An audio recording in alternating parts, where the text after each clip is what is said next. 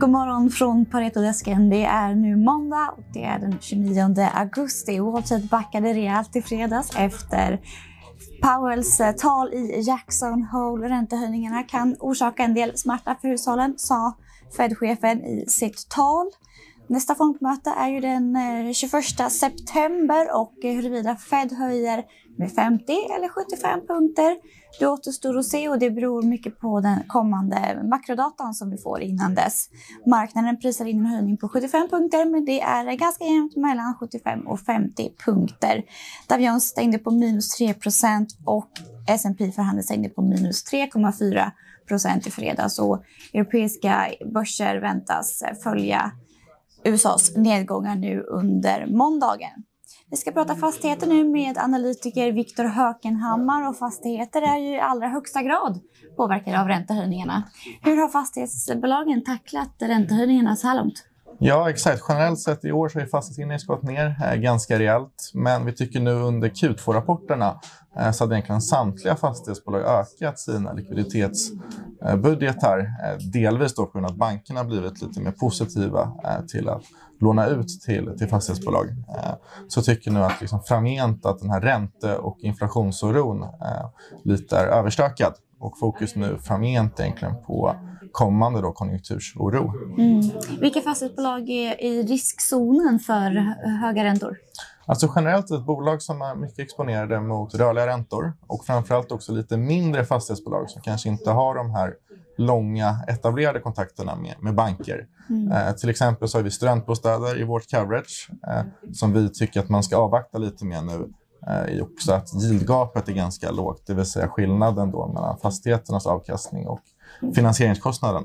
Eh, mm. Medan vi är lite mer positiva då till större bolag med etablerade bankkontakter eh, där man då har en liksom, långsiktig relation med bankerna. Mm. För du pratar ju studentbostäder på morgonmötet idag. Du skickar även ut en uppdatering på det så som du säger. 65, 63 procents exponering mot rörliga räntor har de.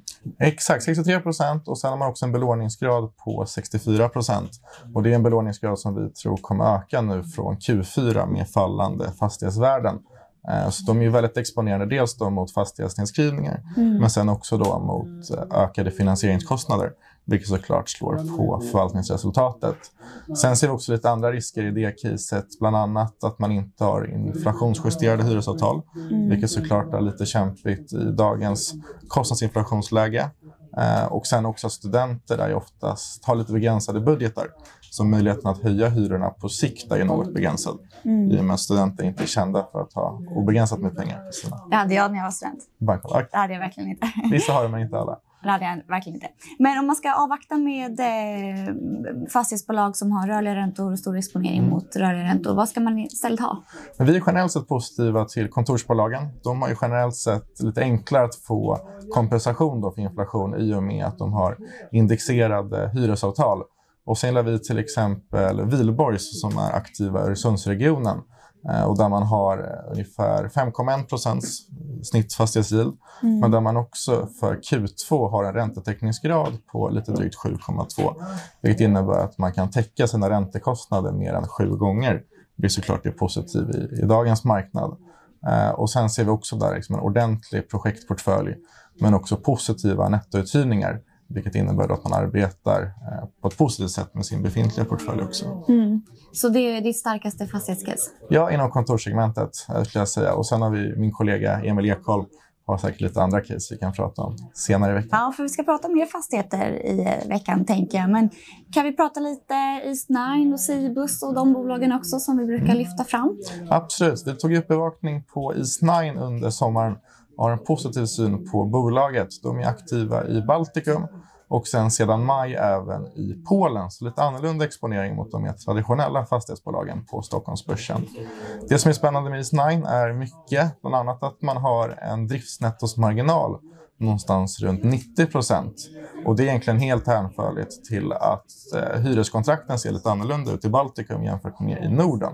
Så i då, eh, den här marknaden med stigande inflation så har man då endast 10 procent som man själv får ta på egen bok och 90 procent kan man lägga över på hyresgästerna Så allt ifrån liksom el och vatten, fastighetsskötsel, fastighetsskatt och så vidare.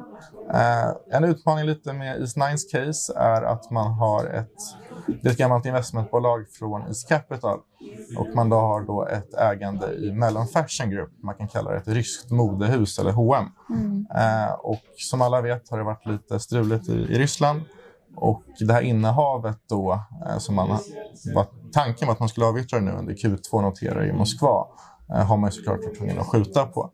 Eh, så lite osäkerhet hur man ska bli av med sitt mm. sista då investmentbolagsinnehav. Vi antar att det speglar sig i värderingen också? Absolut, och vi har ju i vår värdering ansats helt enkelt eh, satt liksom det ryska innehavet till noll. Mm. med seende liksom uppsida från, från dagens nivåer. Mm.